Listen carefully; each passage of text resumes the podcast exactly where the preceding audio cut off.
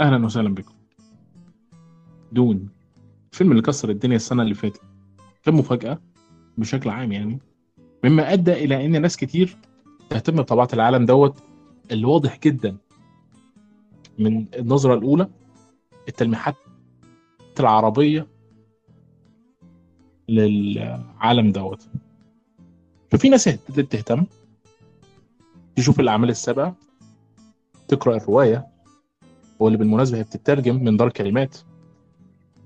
ومعانا بما أقول إنه خبير أو الخبير العربي ال الوحيد اللي ممكن يتكلم على دون أهلا وسهلا. الله يسلمك يا عبد الله. معكم آه، الياس صاحب حساب كثيب بالعربي. واليوم دعوة من آه، أستاذ عبد الله بنتناقش عن كثيب والعالم الواسع هذا. هي آه، بس عشان برضه هي مش دعوة. أي حد بيجي هنا هو الشريك مش ضيف. فبالتالي الحلقة آه، أنت جزء منها. عايز أقول لك الأول إن أنا آه، أعرفك من قبل ما صفحة دون تتعمل. وده عشان أنت بتتكلم في حاجات كتير مش بس عشان دون يعني. لكن لما أنت عملت صفحة دون وقررت تركز أنت متذكر اهتمامي كان عامل إزاي؟ وسلطت أنا الضوء على حساب كثيب زيادة ال- الوعي بالروايات لأن الروايات يعني عالم واسع جدا ولا له شعبية في عندنا في المنطقة العربية رغم أنها تسلط الضوء على المنطقة العربية وثقافتها و... آه كمان يعني هقول لك عشان برضو دون من وجهة نظري مهم جدا لكن أنا عايز انقب في العالم دوت وأرجع للفيلم والمسلسل والمسلسل الجانبي و... لكن كل ده هتجاهله وهبدأ من الفيلم اللي كان من رائع في توظيف العناصر بتاعته. آه، الفيلم دوت من وجهة نظري يعني مهما ال- الأفلام السابقة حاولت إنها لا سواء الأفلام والمسلسلات حاولت إنها تقرب من من من دون اللي موجود دلوقتي إلا إن في حاجة خلت دون بتاعنا الس- السنة اللي فاتت 2021 هو أكثر جاذبية من الفيلم مثلا بتاع 84 وهو إنه ما حاولش يقتبس الرواية كلها داخل ساعتين.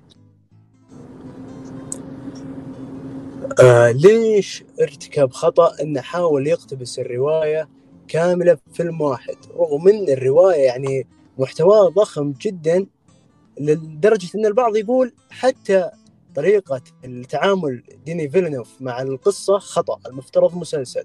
ولكن فيلنوف وظف القصة بأفضل شكل بجزء أول اقتبس النصف الأول من الرواية ثلاث ساعات تقريبا ساعتين ونص عفوا. ساعتين ونص؟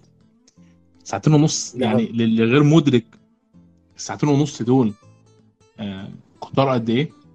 لازم يعرف إن الفيلم اللي عمله آه، آه، ديفيد لانش سنة 84 كان طوله ساعتين و17 دقيقة وكان تقريبا مقتبس القصة.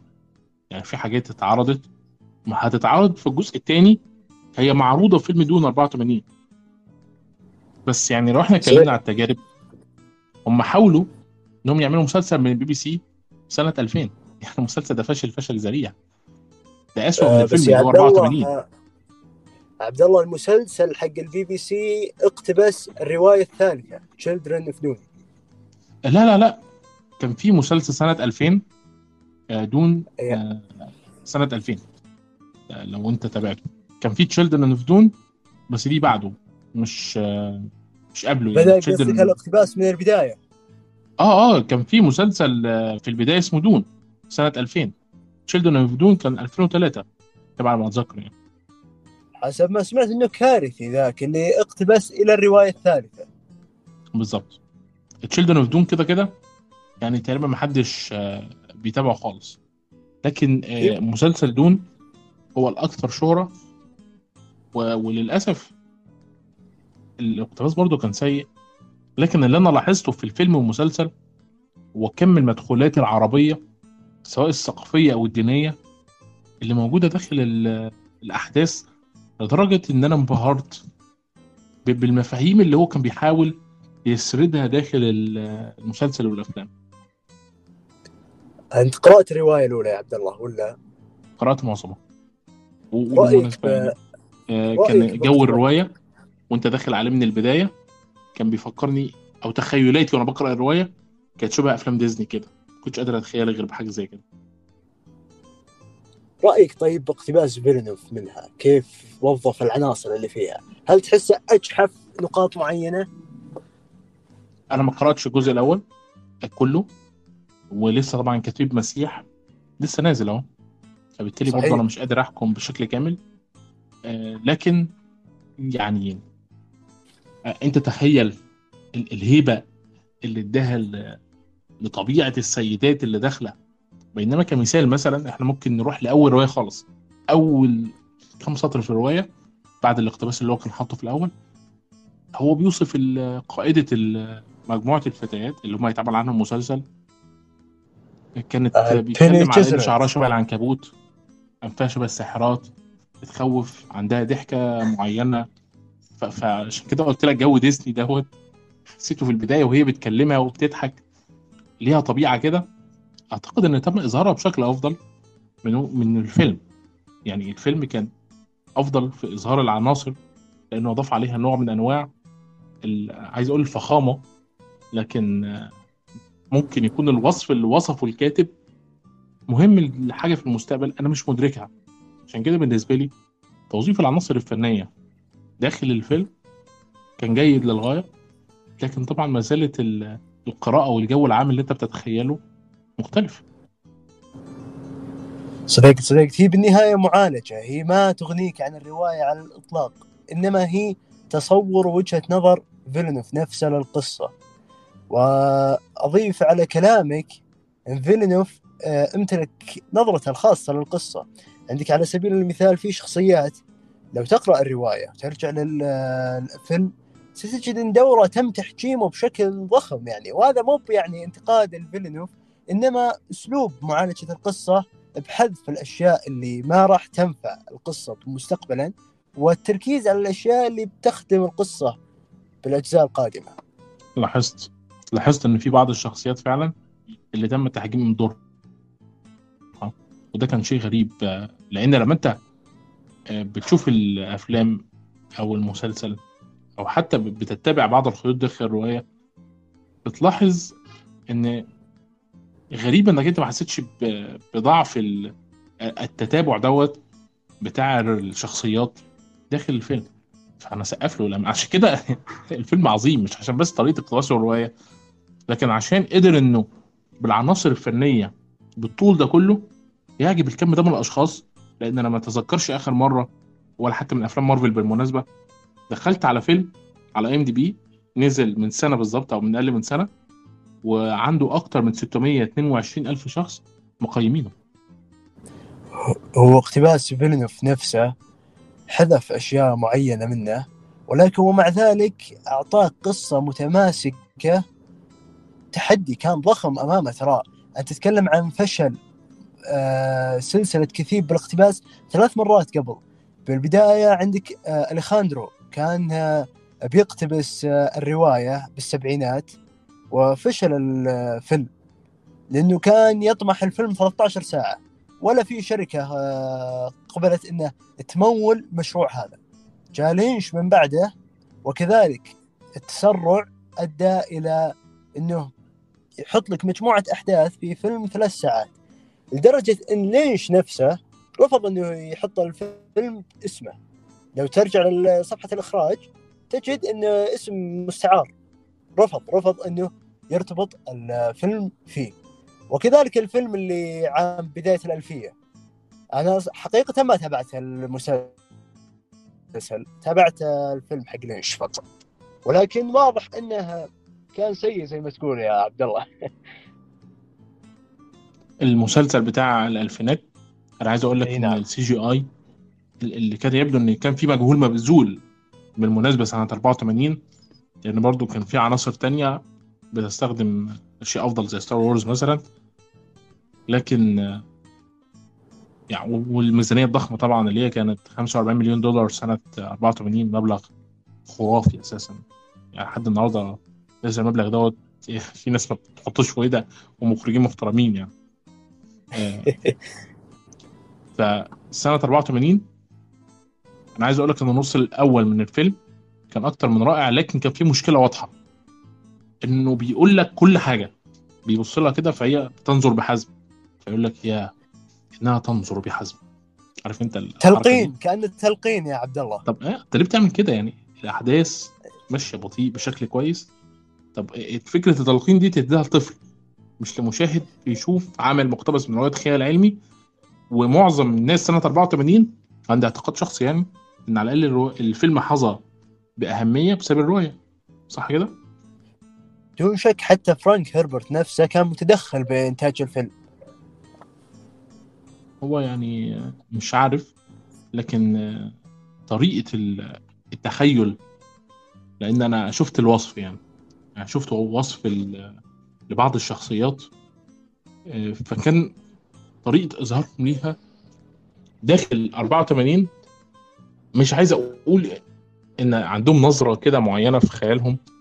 بس النمطية كانت بتغلب عليها أكتر من ال- الجمال اللي كان مرتبط بدون اللي إحنا شفناه 2021 فأنا مش عايز أقول مثلا السبب هو التقدم التقني لكن أنا عايز أنسب الفضل لرؤية المخرج دينيس في طريقة آه، إظهار العناصر اللي هو عايز يظهرها من خلال النمط الهادئ.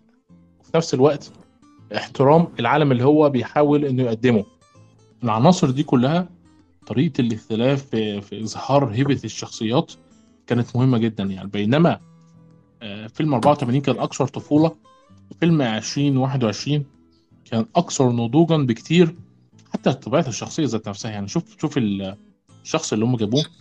واضح عليه تأخر النمو بسبب طبيعة جسمه أكتر من الممثل بتاع 84 اللي هو كان وجهه ضخم ورفيع أو كل حاجة لكن ما كنتش تشعر بدوت. زي ما أنت حاسس بيه مع الشاب اللي اسمه إيه تيموثي تقريبا لما أتذكر. مناسب للدور جدا كان. حتى إن فيلنوف قال لولا وجوده كان ما يقول أنا يوم جيت أختار الممثل شخصية بول كان هو الوحيد اللي خطر على بالي. وصفه قال هو بول اتريدز الوحيد في العالم. ده ده وصف وصف صعب قوي. فعلا فعلا. وبس كان قد ال- المهمة اللي أعطاه إياها فيلنوف جسد الشخصية بشكل وأنا صراحة أنتظر منه الكثير جدا في الجزء الثاني. الجزء الثاني بخلاف الجزء الأول هيكون ليه دور أكبر لأن مفيش كم العناصر من الشخصيات اللي هتساعده. لكن الغريبة إن هو قال إن الجزء الثاني هيركز على زنديا أكتر منه هيركز على تيموثي برغم إن تيموثي هو المختار أو المهدي. دون شك لكن غالبا إنه تم إساءة فهم تصريح فيلنوف ما كان القصد إنه التركيز آه، لدرجة إنه يتعدى تركيز على شخصية بول إنما قصده بالتساوي بينهم.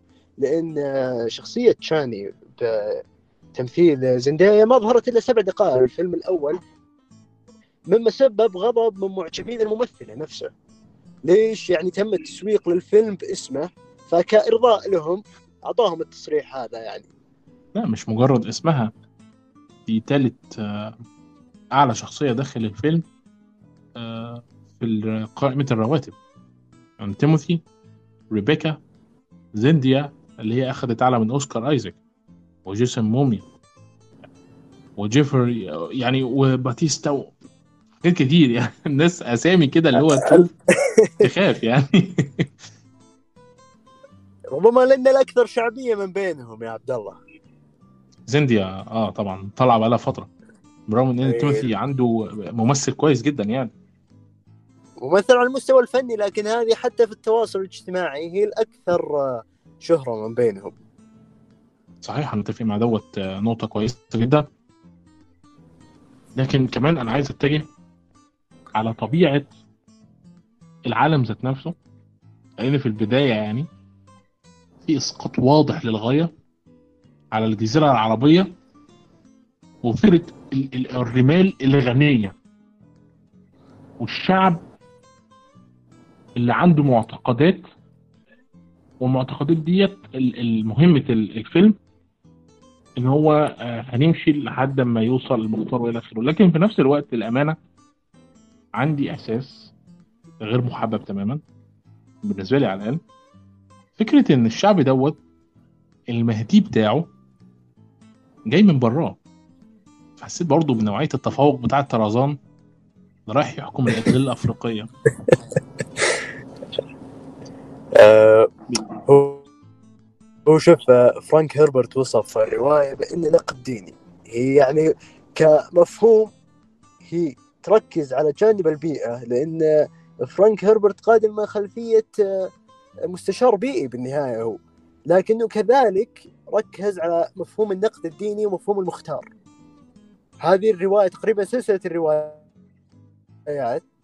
تتناول الموضوع ده بشكل أكبر من غيره.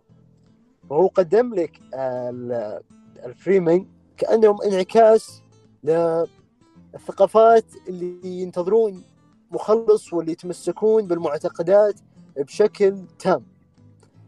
حتى إنه ببيئة نفس الكوكب وكوكب أراكس نفسه تجد إن مزيج spice هو كأنه انعكاس للبترول في دول الجزيرة العربية وشمال أفريقيا.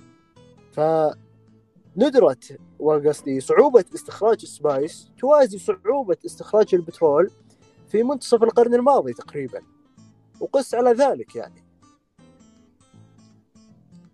صحيح لكن آه، فكرة إن ال- ال- ال- التوابل ديت هو لو إن فكرة التوابل اسم غريب لكن برضه هي مرتبطة بالثقافة الشرقية بشكل عام يعني. آه، فكرة التوابل هي اللي بتحرك كل حاجة في المجرة. لا لا لا أقول دون شك كلامك صحيح إن هي المحرك الأساسي لكل شيء بال... جميل. وهنا يعني إحنا بس مش عندنا طوائف سرية آه، والطائف السرية ديت يعني كانت متواجدة طبعا في الحضارة بتاعتنا لكن الحضارة العربية أو الإسلامية والاتنين ما ينقطعوش عن بعض بشكل كبير. هي حضارة كانت قليلة في الموضوع الجماعات السرية وأشهرها هي الحشاشين. لكن طبيعة الجماعات السرية اللي بتنفذ الاغتيالات وبتحكم أوروبا من الخفاء كانت بتطارد أحلام الأوروبيين من قبل القرون الوسطى حتى. فبالتالي تشعر إن فكرة النساء التي تحكم من خلف الستار هي برضو فكرة أوروبية فكرة إنها داخلة لحد رأس الإمبراطورية. فتشعر إن إن ال- الرواية أو الفكرة بشكل عام هي حالة كده من إنه بينظر للمجرة ومجموعات الكواكب بالرغم من إن الكوكب ده مش المركز لكن بتشعر إن المركز في نفس الوقت الإمبراطور اللي بيحكم المجرة ديت هو تشعر إن هو برضه فكرة أوروبية ودول آه، فكرة شرقية والفكرتين مضادتين لبعض ال- ال- الشرق المنتظر للمهدي اللي هيسقط أو آسف اللي هيسقط الإمبراطورية بشكل. وكأنه مزيج بين الشرق والغرب في قالب واحد. صحيح. والحتة ديت طريقة تقديمها في الجزء الثاني هتبقى صعبة جدا لأن الجزء الثاني مش يعني مش بسيط. يعني بالرغم من إن الجزء الأول قد يبدو للمشاهدين بسيط لكنه مش بسيط تماما يعني. إلا إن الجزء الثاني أنا مش متخيل مهما حاول إن هو يختصر الأحداث إن هو يبقى جزء خفيف خالص زي الجزء الأول. أجزم أنه بيتعدى ثلاث ساعات بالراحة لأنك تتكلم عن أحداث ضخمة جدا يعني وصعب صعب توظفها بشكل كويس إلا إذا أنت استقريت على العالم بشكل مضبوط وهذا اللي صار بالجزء الأول. ده ده صحيح. كانت كمان أنا عايز أضيف على حاجة آه، مهمة. وهي إن الكثيب من من قوة عالمها زيها زي أي كتاب فانتازيا أو خيال علمي محترم وبيحترم نفسه عندها كتابات بتفسرها بتفسر طبيعة السلطة بتفسر طبيعة الاقتصاد بتحاول تبسط العالم شوية على اللي داخل طبيعة الشعوب. ودوت يعني الفضل فيه لطبيعة ال- الشيء اللي بيتقدم لنا دوت. فهل أنت متوقع في الجزء الثاني ان يتقدم شيء مهم لدرجة إن الناس وورنر بروس اللي طبعا استثمرت معاه already ثلاث أجزاء لكنها كانت مستنية الجزء الأول يحقق النجاح اللي هي كانت منتظراه يعني. لدرجة إن الناس تستثمر معاه جزء تاني وتالت وهي واثقة من نفسها بالشكل دوت لأن الجزء الأول البادجت بتاعته تبع على ما أتذكر ما كانتش خفيفة خالص. إحنا كنا بنتكلم في 200 مليون دولار تقريبا. آه. كانت 165 ل 200 مليون دولار فعلا زي ما أنت قلت. بالحدود هذه ودخل الفيلم 400 مليون دولار. آه، في وقت كورونا ومعظم السينمات مش شغالة طبعا. أنا شخصيا ما. قدرتش أحضر دون وبسبب قرار ق... اسف عندي شوية برد بس. وش... وبسبب قرار وورنر بروس الكارثي إن الأفلام تتعرض على HBO في نفس الوقت معظم السينمات ما رضتش تجيب الفيلم. هذه نقطة. بشدة على الفيلم وكانت يعني تهدد بعدم وجود تتمة لكن وجدت التتمة كان خوف لأن كنا بنسمع أخبار على إن دون ده ثلاث أجزاء وبعدين بصينا لقينا آه، الخوف إنهم ما أعلنوش حاجة لحد ما أعلنوا إن دون بارت 1 يعني الفكرة اللي هو طب أنتوا يعني انتظرتوا كتير قوي. الموضوع كان مرعب. كنت أقول في بداية الجزء الأول ظهر إنه دون بارت 1 آه، وهذا تمهيد يعني إنه هذا ما جزء ما راح يشرح إلا نصف الرواية الأول فقط. ففيلنوف كأنه مهد الطريق وللشركة الحرية في استكمال السلسلة ولا التوقف وديت كانت آه، لقطة جميلة. لكن أنا عايزك تكلمنا أكتر على اللي أنت بتتوقع يتم اقتباسه بالشكل اللي تم اقتباس بيه لأن زي ما إحنا عارفين يعني في حاجات هتظهر لأي حد شاف الفيلم أو المسلسل زي ما أنا قلت. حتى مش محتاج تقرأ الروايه انت لو شفتها تعرف إن في أحداث كارثية قدام لدرجة إن في نبوءات بتجيله إلى آخره يعني. والموضوع جذاب لأن مين ما بيحبش مفهوم الميتافيزيقا اللي بتحكم عالمنا اللي هو أنا مش هشيل أي هم لكن هشيله المختار اللي هيجي يقودنا بقى للثراء والقوة والماء؟ لأن كمان يعني أنا مش عايز أحرق على حد لكن أنت متوقع إيه النقاط اللي ممكن يتم اقتباسها من في الجزء الثاني من الرواية عندك الجزء الثاني من الرواية يعني ممكن أنا وقراء الرواية ممكن من أخبار الفيلم تلاحظ إيش وش يهدف فيلنوف في التركيز عليه. مثلا من الواضح من أخبار الفيلم إن منظمة آه، البني تشيزرت راح تنال التركيز الأكبر. وذلك جاي من اختيار ال- طاقم التمثيل نفسه. تلاحظ بطاقم التمثيل يتم اختيار عدد كبير من النساء لتأدية أدوار من الأخوية نفسها. وكذلك تم إسناد دور شخصية مهمة الممثلة الممثلة ليا سيدو. ممثلة مشهورة وشخصية هامشية زي ذي ما أعتقد أن الممثلة يعني ترتقي لا إلا إذا دورها بيصير أكبر بطبيعة الحال. فأعتقد أن الجزء الثاني بيسلط الضوء أكثر على الأخوية وممكن نشوف إضافات الفيلنوف من الجانب هذا. بالنسبة للقصة أنا ما عندي صراحة أي شك أن فيلنوف بيقتبسها بكل إخلاص لكن مع إضافات. فهذا اللي عودنا عليه بالجزء الثاني بالجزء الأول عفوا. الجزء الأول اقتبس القصة قصة النصف الأول بحذافيره وبإخلاص تام ولكن ومع ذلك استبدل أحداث معينة بمشاهد تبسط الحدث نفسه وتخلي المتلقي يرتبط بنفس الارتباط حق قارئ الرواية. فأعتقد أن الجزء الثاني بيعي بيكون فيه آه ما راح أقول تحريف إنما إضافات. جميل لكن آه، انت بتتكلم بان دور النساء هيبقى اكبر؟ طب ودور نعم. النساء هيبقى اكبر ليه؟ وهم اوريدي ليهم مسلسل مستقل بيتكلم عنهم هو ربما بيكون الدور أكبر عشان المسلسل لأن المسلسل بالنهاية بيسلط الضوء عليهم. فكيف أنت تربط المشاهد بالمسلسل إذا ما لفت نظره بالأفلام نفسها جميل. بالنهاية الأفلام الشركات الإنتاج هذه هم الأرباح بغض النظر عن القيمة الفنية للفيلم. فأنا عرضت الفيلم الثاني. عندي بعده مسلسل والفيلم الثالث حسب كلام فيلنوف مطول يعني أقل بننتظر ثمان سنوات. عليه. الفيلم فكيف الثالث؟ نعم ثمان سنوات لأن حسب تصريح إي نعم. حسب تصريح فيلنوف يقول إنه إذا خلصت تصوير الجزء الثاني وأعطيت الضوء الأخضر للجزء الثالث فأنا بنتظر ممثل. تيموثي يكبر ثمان سنوات كذا أو ست سنوات عشان نصور الجزء الثالث لأنه فيه قفزة زمنية بين الروايتين يا آه، عبد الله صحيح. صحيح. طبعا عشان كذا بس عشان عايز أتأكد من حاجة بس الكثايب كثايب مسيح الاثنين دول هم اللي تم اقتباسهم في الفيلم سنة 84 صحيح كده؟ كيف؟ كثايب وكثايب مسيح.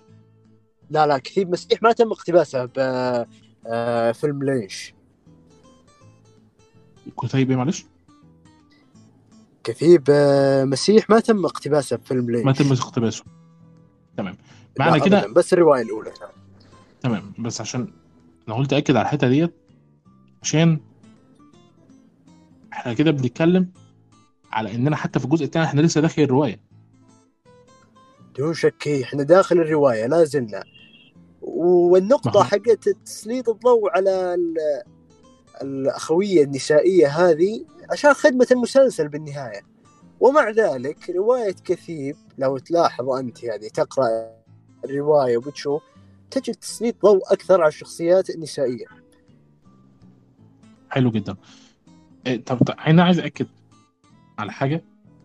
وهي فكرة آه، النساء داخل المسلسل وداخل الرواية وداخل الفيلم. أنا زعلان جدا من إن شخصية محظيه الملك ما أهدتش الدور اللي هي تستحقه داخل الفيلم. من وجهة نظري برضو يعني. ممكن واحد تاني يشوف إنها أخدت دورها وزيادة. لكن آه، تسليط الضوء عليها بشكل أكبر من كده كان هيكون أفضل لأن هي مسلط عليها وعلى طبيعة شخصيتها وعلى طبيعة العلاقة اللي كانت ما بينهم بشكل أكبر وفي البداية كمان مش في النهاية آه، داخل الرواية. أه، تقصد اي شخصية؟ آه، قصدي شخصية محظيه الملك آه، آه، جيسيكا. ليدي آه، جيسيكا اتردس أنت تقصد إنه ما تم تسليط الضوء عليها كما يجب؟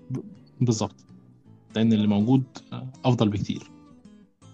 آه، هو صدقت النصف الأول من الرواية آه، سلط الضوء على يعني شخصيات بدرجة أكبر حتى شخصيات مثل ظافر حواط أو شخصيات آه، من تات البارون نفسه. البارون نفسه ما تم تسليط الضوء عليه. فالفيلم ما أقدر أقول لك إنه آه، أجحف شخصيات عن غيرها إنما قلص دور كل الشخصيات عشان يوضح الأفكار الأساسية. ولكن الجزء الثاني أضمن لك انه بيعوضك من الجانب ذا.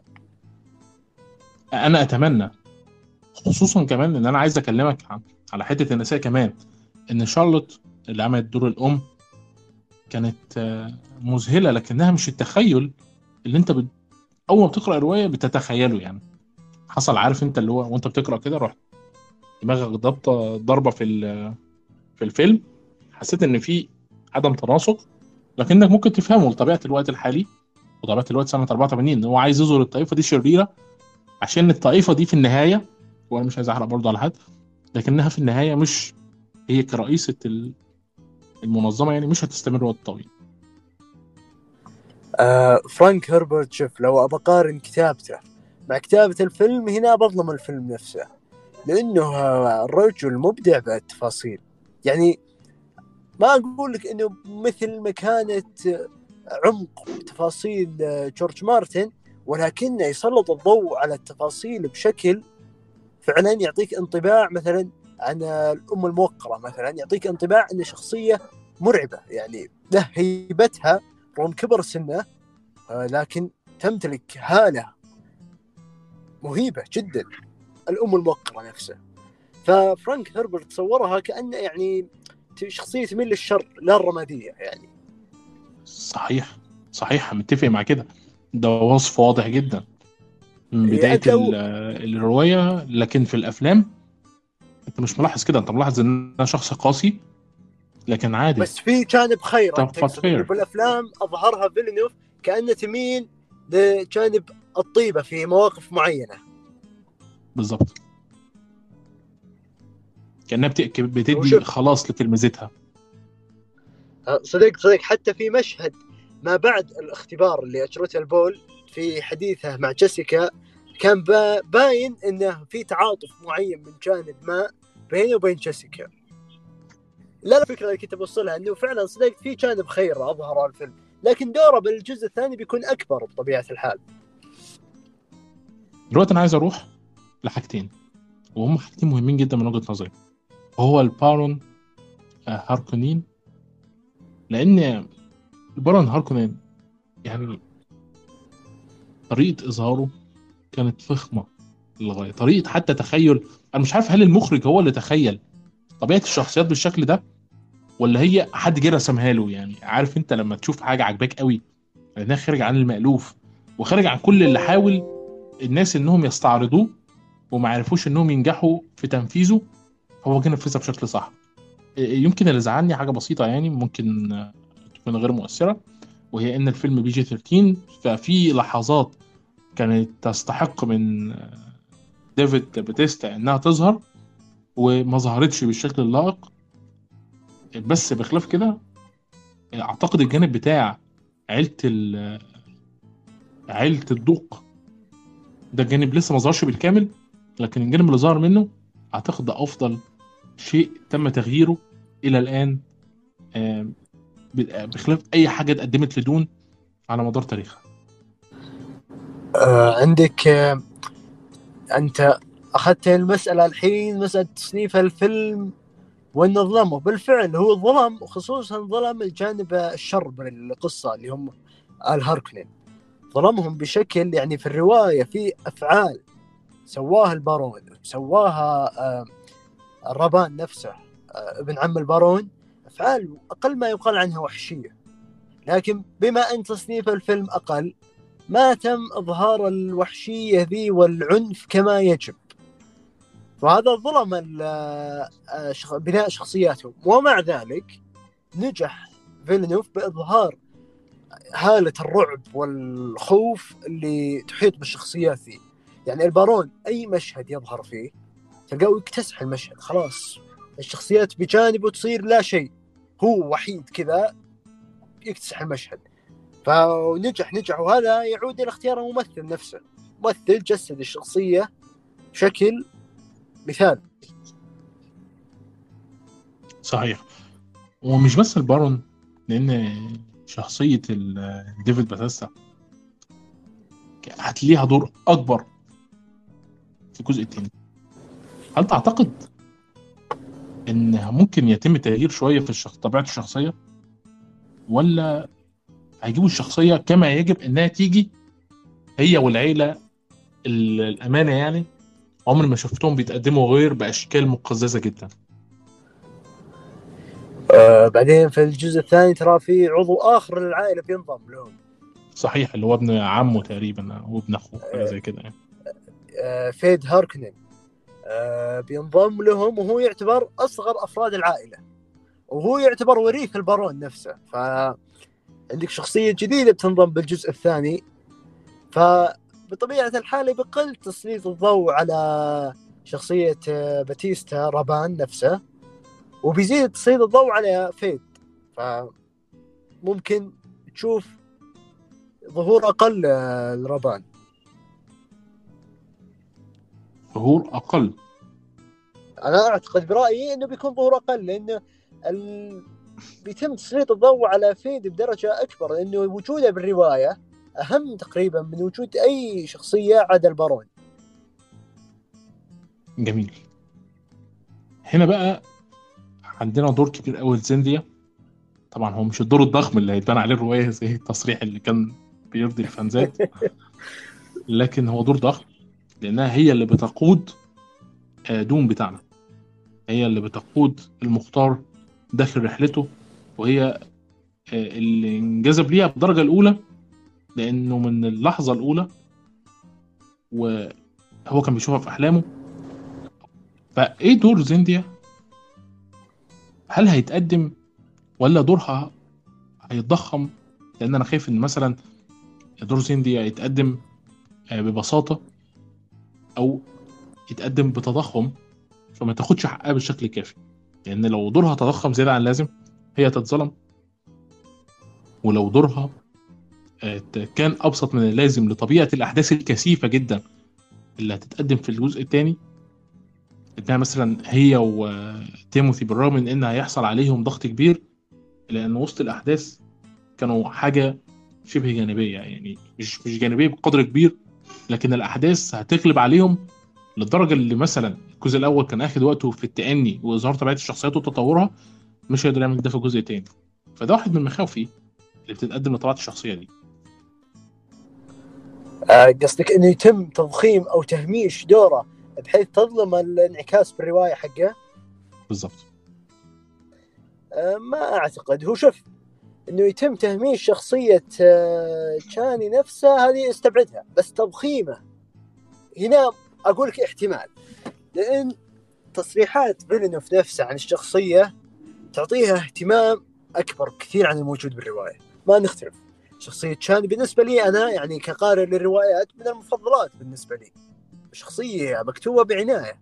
ولكن أن يتم تضخيم دوره أنت كذا آه، بتخليها شخصية فارغة شخصية تسوي أفعال بلا معنى. ولكن ما أعتقد الشيء ذا لأنه فيلنوف بغض النظر عن أي شيء فيلنوف راوي آه، قصص. شفنا أفلام له قبل كذا كثير ويعرف يكتب الشخصيات. تقريبا له سبع أفلام قبل كثيب سبع أفلام مشهورة. وكلها فيها شخصيات مكتوبة بعناية. لذلك من الجانب ذا أنا ما أخشى. خصوصا الرجل مخلص مخلص جدا للمادة الفنية الأصلية. صحيح. تعال تعرف حتى موضوع ديدان العملاقه ده؟ ده إيه؟ واحد من أجمل المشاهد اللي أنا شفتها في حياتي. اللي ظهر بالفيلم. بالظبط. في اللقطة. بأواخر الفيلم. هذا الجزء ال- الثاني. ال- الديدان الدودة الضخمة. بخلاف إن أنا عارف طريقة الاهتزاز اللي هم بينادوا بيها الدودة انها هي مطوطوخه وحاجات زي كده. تقصد المفهوم نفسه. آه طريقة إظهارها طريقة رسمها. يعني مهما حاولت اتخيل دودة ضخمة عندها يعني عارف أنت مهما أفلام الخيال العلمي برضه مؤثرة. في طريقه نظرتك وتخيلك لطبيعة ال- الكائن ده. لكن الطريقة اللي هو قدمها بيها كانت مختلفة. حتى وأنا آه. منذهل لما عدت ال- الفيلم تاني بعد طبعا كل المعلومات اللي الواحد أخدها. اللي هو أنا إزاي ما لاحظتش ده من أول مرة؟ آه، فيلنوف آه، ذكر في أحد المقابلات إنه استغرق عام كامل لتصميم شكل الديدان الرمليه هذه. وأعتقد من كلامك يا عبد الله إنه نجح فعلا إنه يخلي المشاهد ينذهل بالتصميم وبالشكل وكيف إنه مظهر مرعب. يبث الرعب في قلب المتلقي ايا كان. أنا عندي في خاطري أسئلة كتير لأن دون خلانا نفتح على عالم الخيال العلمي. يعني الشيء الوحيد اللي كنت بشوفه مثلا في عالم الخيال العلمي ممكن يتشاف هو ستار وورز أنا بعشق ستار وورز already فكنت مستغرب مفيش أي حاجة خيال علمي بتتقدم بشكل كويس. وهنا بقى أنا عايز عايز اتطرق لحاجة وأنا عارف إن ناس كتير ما أصلا يعني لما بتشوف دون مثلا ما بتشوفوش كفيلم خيال علمي لكن برضه أنا عايز اكد دون فاونديشن اللي تقدم من أبل تي في بلس بأكبر ميزانية في تاريخ تي في بلس لحد دلوقتي. أنت شايف عناصر التشابه الضخمة ما بين الاثنين عاملة إزاي؟ شوف عندك فاونديشن ودون وستار وورز. الثلاثة سلاسل الخيال العلمي هذه كل واحدة قائمة على اللي قبلها تجد إن آه، كثيب تقوم على عالم إسحاق أزيموف حق فاونديشن تلقى ستار وور قائمة بالأساس على كثيب يعني كثير تشابهات بين العوالم تثير الدهشة. ولكن إنك الخلاف اللي على ستار وور وكثيب كان قائم إنه كأن اللي يصير نسخ لصق بدون نظرة فنية. يعني كثيب اقتبس أشياء كثير من فونديشن ولكن أضاف لمسة. فرانك هربرت أضاف لمسته الخاصة اللي خلت عالمه مميز. بينما ستار وور على الجانب الآخر لو تنظر له بتجد أنه نسخ لصق نسخ لصق تقريبا يعني في جوانب كثيرة كانت قائمة على تطابق كامل. ويمكن أنت تلاحظ لاحظتها يا عبد الله يوم تشوف العملين مع بعض. أنا لاحظت التشابه ما بين فاونديشن وكثيب أكتر منه ما بين ستار وورز وكثيب يعني. برغم إن في ناس. كتير بتتكلم على كثيب وستار وورز ودي حاجة أرقتني جدا يعني. من ناحية الإمبراطورية قصدي. من لا آه أنا فاهم طبعا. العالم. طبيعة الإمبراطورية والهرم السلطوي بس مش ده اللي إحنا بنركز عليه. ما هو already في فاونديشن إحنا عندنا ولو إن الموضوع أكثر تعقيدا في فاونديشن بالنسبة لطبيعة الإمبراطورية يعني لكنها مش إمبراطورية متوارثة بالشكل ال- اللي موجود. يعني إحنا مثلا عندنا في ستار وورز صراع جمهوري وإمبراطورية وكواكب وشعوب مختلفة وطبيعة مختلفة وأشكال مختلفة. فأنت بتتعامل معاها على جنب. ستار وورز يعني طبيعة ال- الكائنات اللي جواه ما ينفعش إن أنا أتعامل معاها لأن الشخصيات اللي بشكل بشر كمثال يعني هي ده ده جزء من العالم وجزء لا يستحق يعني الذكر لو إحنا اتكلمنا على ال- على الاشكال التنوع. إنما بالظبط التنوع الجنسي بالظبط إنما في كثيب وفاونديشن أو الأساس الوضع مختلف تماما. ما عندكش كائنات تانية أنت عندك بشر. أشكال. ما بتتحركش ما بتختلفش. فشبهك وانت شبههم. لكن بالرغم من كده بالرغم إن ده مسلسل أخد وقته تماما في الاستعراض والتقديم وده فيلم ساعتين ونص الا ان مفيش وجه مقارنة لا من قريب ولا من بعيد. لأن فونديشن أنا تابعت الموسم الأول كله لكن برأيي ما تم التعامل معه بالمستوى اللي فعلا يليق بالرواية ويليق بال أنا أنتظر الموسم الثاني بالتأكيد ولكني أرى أن الموسم الأول رغم أنه كان جيد جدا ولكن كان ممكن يصير أفضل بكثير. ويحط له اسم خصوصا أن رواية أيقونية وهي أول رواية خيال علمي على الإطلاق ترى فونديشن فاونديشن wow. نعم.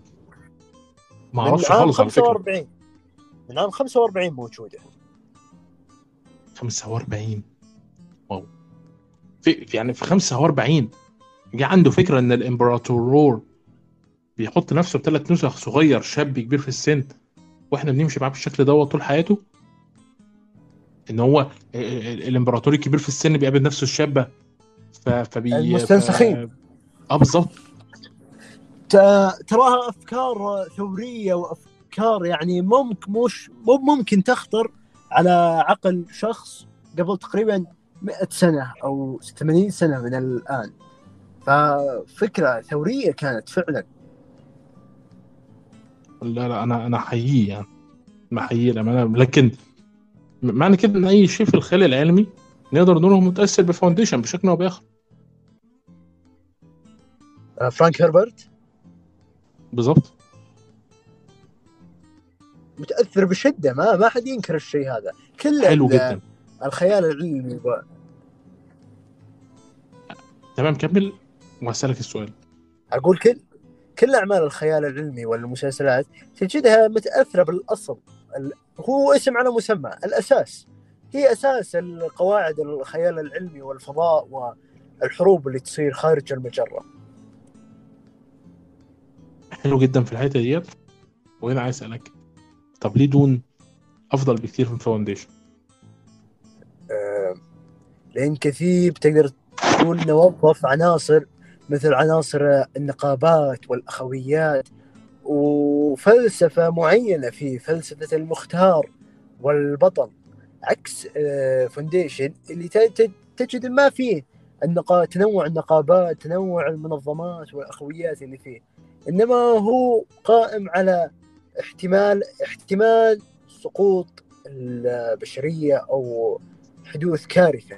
يعني تقدر تقول إن قصة ما راح أقول اعتيادية إنما قصة آه تقدر تتصور وش ممكن توديك. عكس كثيب اللي في كل رواية تجد انعطاف ما كنت متوقعه يعني في رواية كثيب مسيح تجد انعطاف غير متوقع بالأحداث.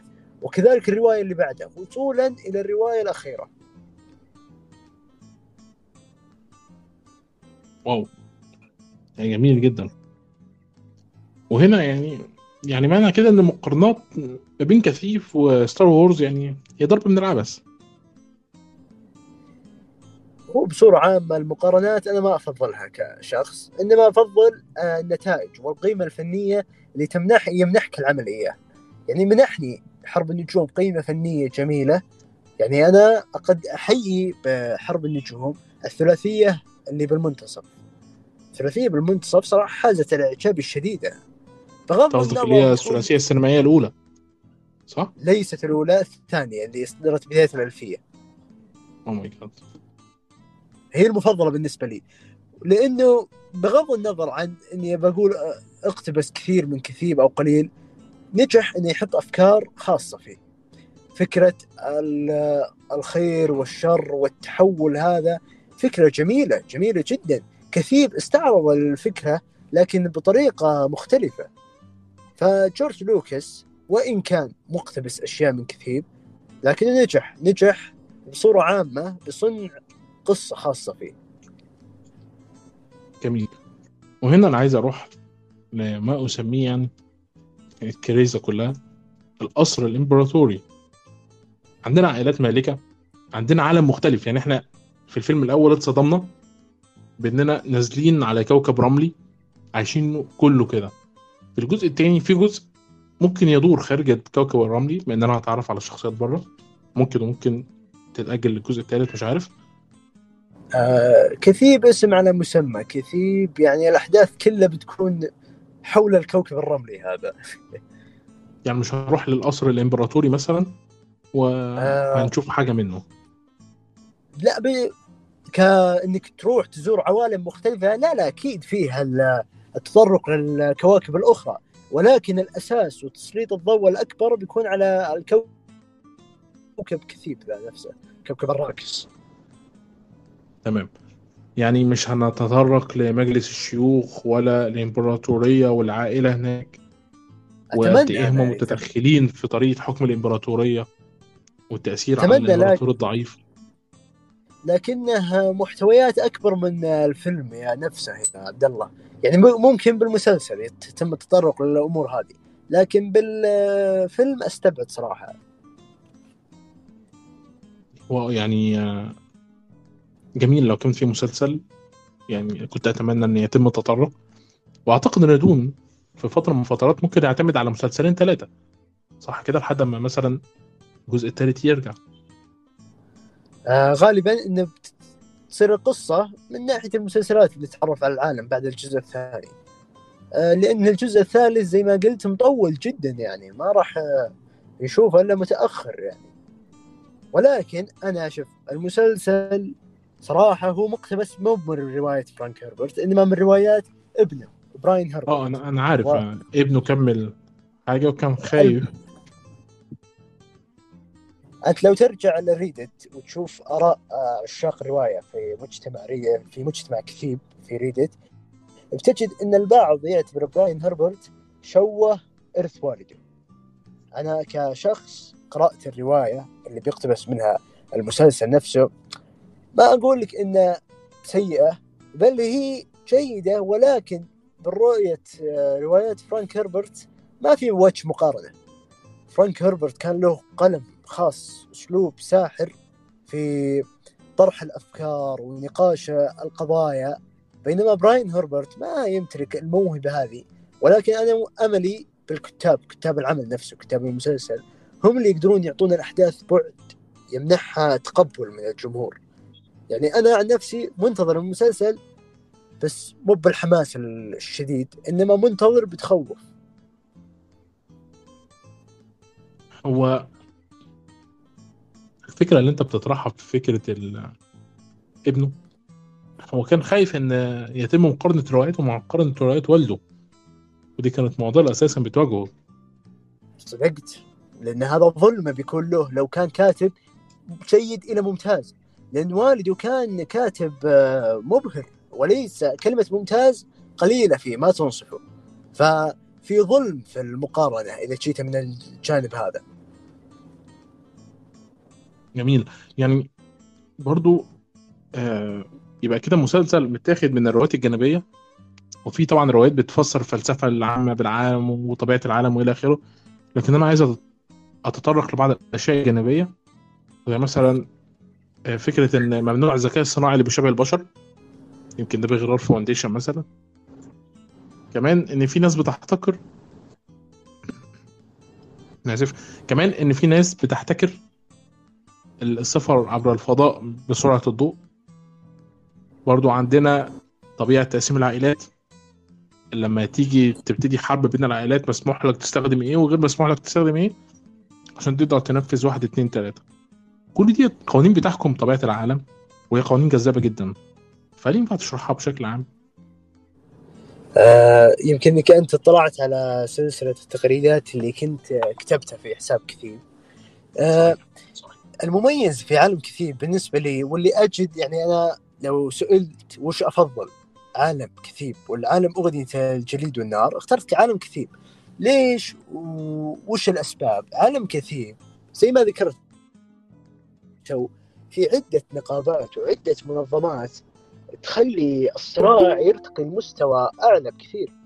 فرانك هربرت بعيدا عن كل شيء برأيي نجح بإقناعي بالفكرة النقابات وإن الحكم ليس للإمبراطور فقط. الحكم متنازع عليه تقريبا من أربع أطراف. عندك الإمبراطور نفسه عندك مجلس آه لاندسراد عندك آه نقابة الفضاء وأخوية بني تشيزرت رغم إن نقابة الفضاء وأخوية البني تشيزرت شركاء صامتين بالحكم الإمبراطورية. مين الشركاء الظاهرين اللي قدام عامة الشعب يعتبرون هم الحكام. هم الإمبراطور ومجلس اللاندسراد مجلس الأسرة النبيلة. هم واجهة صحيح الحكومة. بس معلش أنا عايز هنا أنقطعك بس. هو صحيح نقابه الفضاء هي حكم صامت لكن تبعا لوصفك هي قوة لا غنى عنها لحكم الإمبراطورية. تمام عليك. بالضبط. هي قوة لا غنى عنها زي ما قلت. لأنه هي الوحيدة اللي محتكرة السفر عبر الزمن. السفر عبر الزمن في إمكانية تسافر في عالم كثير. ولكن السفر عبر الزمن بسرعة الضوء فقط نقابة الفضاء هي اللي تحتكره. هنا الفكرة. سرعة الضوء هي اللي العامل اللي مخلي نقابة الفضاء استثنائية. طبعا كل منظمة سواء أخوية البني جزرت أو نقابة الفضاء له أسراره الخاصة اللي من خلاله تزيد من احتكاره. على سبيل المثال أخوية البني جزرت ما أحد يدري كيف يتم استعمال مزيج سبايس عندهم. عندهم طرقهم الخاصة السرية. يعني آه بني جزرت تتكون من ست طبقات آه أو هيكل هيكل إداري. عندك الأمة الموقرة اللي شفناه هي تجي آه بترتيبه الثاني. فيه مرتبة أعلى منها. الآن من يتابع الفيلم يعتقد أن الأم الموقرة هي الأعلى بينما لا في أعلى منها. فكل مرتبة له خصائص معينة والخصائص دي يتم آه زيادتها بالمزيج spice نفسه. فتقدر تقول إنه لا الإمبراطور ولا مجلس اللاندسراد ولا حتى نقابة الفضاء والبني جيسيريت إنما spice هو اللي مسيطر على كل الأمور في كون كثيب هذا. تمام. هل بفكرة إن داخل كثيب في قوانين بتمنع الاستثمار وصنع الذكاء الصناعي بيوازي العقل البشري. هل كان هنا محاولة للتفرد عن رواية فاونديشن ولا كان عنده أسلوب مختلف في طريقة طرحه للعالم؟ خلاه يخاف من الذكاء الصناعي أو العالم بتاعه اللي هو صنعه هو اللي بيتوجس من الذكاء الصناعي ربما عقلية فرانك هربرت نفسه آه متأثرة بالمواضيع هذه مثل الذكاء الاصطناعي. ولا أعتقد ال Foundation تأثير يعني على آه وجود المنظمات هذه أو عدم وجود الذكاء الاصطناعي نفسه. لأن لو ترجع لفكرة الذكاء الاصطناعي هي مو فكرة جانبية بالقصة. تقدر تعتبرها فكرة أساسية في القصة هي أساس القصة. في قبل أحداث ال- الفيلم بعشر ألاف سنة تقريبا ظهرت آه، آه، فترة تسمى فترة آه، الجهاد البتلري. هذه الفترة بعده حرم كأنك تقول في المجرة تصنيع أي آلة تحمل ذكاء اصطناعي وحتى إنه صدر قانون. قانون تقدر تقول قانون إمبراطوري. لا تصنع آلة توازي العقل البشري. ومن هذا المنطلق ومن هذا المنطلق فقط نشأت المنظمات مثل البني تشيزرت آه، نقابة الفضاء المنتات وغيرها من المنظمات الهائلة كلها لتعويض الذكاء الاصطناعي. جميل. وهنا عايز أتوجه لطبيعة سلسلة القوة. اللي أنا فهمته إن الأخوية هي بالكامل عبارة عن نساء ونقابة الفضاء بالكامل عبارة عن ذكور. رغم كده كانت الأم بت... وهي بتتكلم بتقول وأنا هنا بقتبس طبعا التغريدة اللي أنت كاتبها لحضارتنا ثلاثة أضلاع. البلاط الإمبراطوري من ناحية ائتلاف العائلات الكبيرة الممثل في مجلس اللاند اللاندسراد من الناحية الأخرى وبينهما تقبع النقابة باحتكارها اللعين للسفر في الفضاء في عالم السياسة يعد الهيكل ثلاثي القوام أقل الأنظمة السياسية استقرارا هل هي من وجهة نظر هاراري دوت إنها بتكره النقابة لكون النقابة ليها جزء من دائرة حكم واتخاذ القرار بينما الأخوية بالرغم إنها بتحاول توسع نفوذها بالقدر دوت إلا إنها ما عندهاش لحد النهاردة أي سلطة حقيقية زي نقابة الفضاء مثلا آه، وهنا في حاجة غريبة اقتباس برضه. ال- الاقتباس اللي تو. ذكرته أرى إنه مو بغريب إنما بني جزرة يحاولون دائما يخرجون برا الصورة بحيث يبينون لك إن أهدافهم سامية وإنهم لا يقارنون مع آه، أضلاع حكم الإمبراطورية. بينما أنا أستطيع أقول إن البني جزرت هي مثل العمود في منتصف الخيمة. لو سقط سقطت الإمبراطورية. لو ترى تأثيرهم أنت بالرواية بتنذهل. بتنذهل بشدة مشروع آه، صنع السلالات اللي يقومون فيه لإنتاج بشري. تراه منذ بداية آه، تاريخ النقابة يعني بداية تاريخ العالم. فدائما البني جزرت يظهرون بمظهر إنهم ما لهم يد بالسياسة بينما أكاد أقول إنهم اليد العليا في السياسة عالم كثيب فالحضاره أربع أضلاع ليس ثلاثة برأيي أنا. يعني تمام بس آه مش هقدر ممكن أنكر لأنها هما المنظمة اللي بتوفر محظيات والزوجات والمستشيرات. يعني بالضبط، معنى كده إن حتى- أي شيء أنثى هي بتوفره. حتى استطاعوا تطويق الإمبراطور نفسه. في الرواية الإمبراطور زوجته من البني جزرت بناته بنته الكبرى آه، إيرولان من البني جزرت كذلك. وبنته هي وريثة العرش. فتقدر صحيح. تقول إنه بمعنى الكلمة آه، البني جزرت استطاعوا يصيرون هم الكل في الكل في الحكومة. وكمان الإمبراطور متأثر جدا برأي كبيرتهم اللي هي الأم الموقرة. بالضبط. هنا الفكرة وحتى مو فيه آه، من ضمنهم فيه كأنك تقول سفيرة للبني جزرت عند الإمبراطور تشير عليه في كل صغيرة وكبيرة فيد لهم يد في كل شيء. وكمان يعني زي ما امبراطوريه زي آسف زي ما نقابة الفضاء بتقدر إنها تاخد التوابل وتصنع منها حاجات هما كمان في الاخويه عندهم بيعتمدوا على مزيج من التوابل عشان تعزز جميع القدرات العقلية والجسدية. وطريقة طبعا تمييز الحقيقة من الكذب والتحكم بالجسد. كل دي حاجات. هما بيتعودوا عليها من خلال تعتبر- ال- السبايس. تعتبر أسرار بالنسبة لهم. هذه ما يعني حتى الكميات اللي يستخدمونها تعتبر بمثابة أسرار ما أحد يعرفها إلا كبارهم في الأخوية نفسها. صحيح. وهنا يعني أنا مستغرب هذه المنظمة اللي هتظهر في الآخر عنها على حقيقتها يعني هي عندها أهداف غريبة جدا زي مثلا قيادة البشرية لمستقبل أفضل. ده إيه يعني يعني إيه قيادة البشرية لمستقبل؟ هذا يخلي المنظمة نفسها وليست شخصيات المنظمة تميل للرمادية. زي ما ذكرت أنت عن شخصية الأم الموقرة.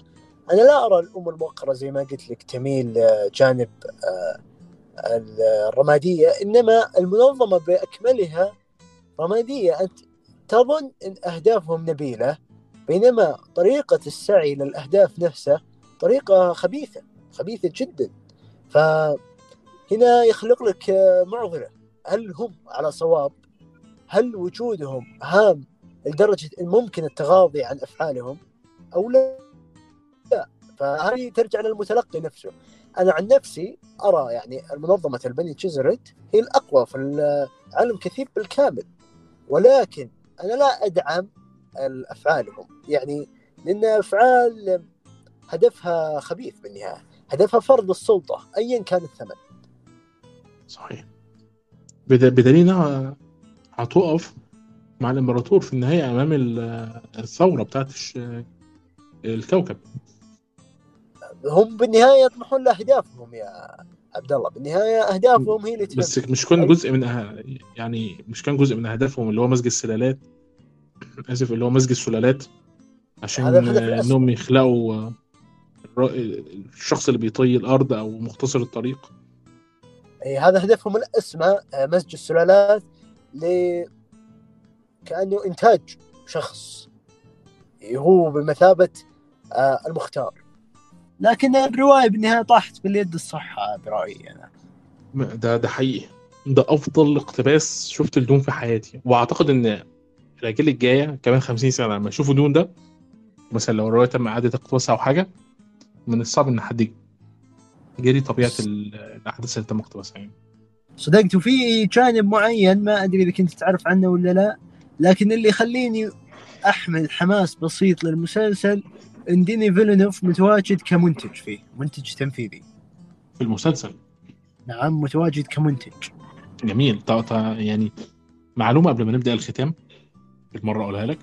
تعرف إن سنة 2016 طلع وقال إن حلم حياته إن يحول الرواية ديت ل لفيلم أو مجموعة أفلام مش فاكر التصريح بالظبط. فجرت الشركة اللي هي واحدة من المنتجين بتاعه دون.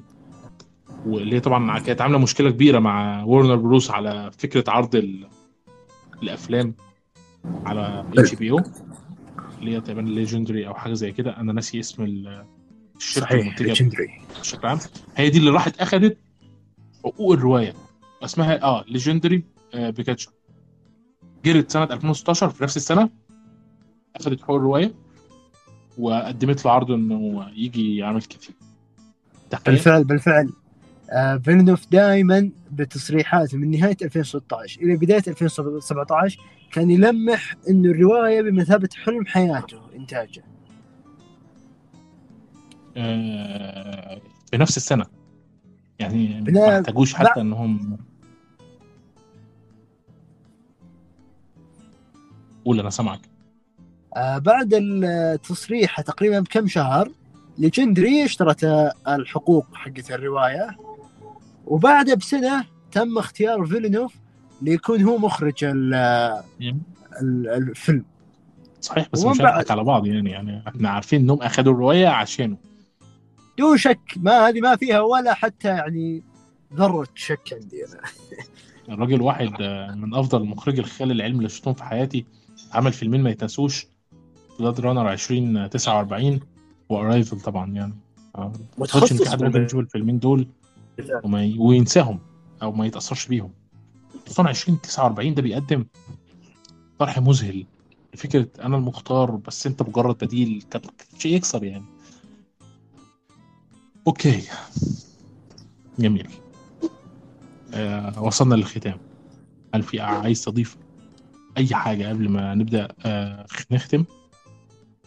والله ما عندي أي حاجة. أعتقد تناقشنا بما فيه الكفاية. ولكن يبينا نتوسع بالنقاش. ربما بعد ما ينزل العرض الأول للفيلم الجزء الثاني ممكن نتناقش عليه نحلل العرض نسولف فيه. جميل. أنا فرحان بال... بالعرض دوت. وهسجله في مقطع لوحده عشان ابعته لك وأفكرك وقتها. ما عندك مشكلة. حلو جدا. أنا آه، سعيد جدا بإني عرفتك واتكلمت معاك والله يا إلياس. شخص آه، محترم جدا والله. أنا أسعد. حبيبي تسلم. أنا كمان حابب إن أنا أنوه الجمهور اللي بيسمعنا إن الروايات بتترجم من مكتبة كلمات تقدر تشتريها من الموقع الرسمي بتاعهم. ده مش إعلان ولا حاجة لكن ال- دور العرض والترجمة عندنا في الوطن العربي أساسا يعني هي بتكسب بالعافيه فيعني لو شوية دعم ليهم عشان يكملوا بقية الست أجزاء ويمكن يروحوا الك- الكتب الجانبية. كمان أنا عايز أنوه إن في كتب بتتكلم عن كثيب الفترة اللي فاتت بدأت تترجم تترجم على الفلسفه طبيعة العالم برضه حاولوا تطلعوا عليهم وحسابات كتيب بالعربي هحطها تحت في الوصف مع حساب إلياس. حساب كتيب بالعربي. بص ممكن يغنيك عن أي حاجة ويضيف شغفك لطبيعة العالم دوت وقد إيه أنت عايز تعرف عنه أكتر؟ بجد يمكن من غير الحساب دوت أعتقد الواحد كان ممكن يفكر مرتين قبل ما يتجه ناحية آه، العالم دوت بشكل أكبر وأكثر كثافة. حابين نشكر إلياس وكان معكم عبد الله الأدهم. آه، أكيد والياس معكم ونقابلكم بودكاست جديد إن شاء الله. باي باي.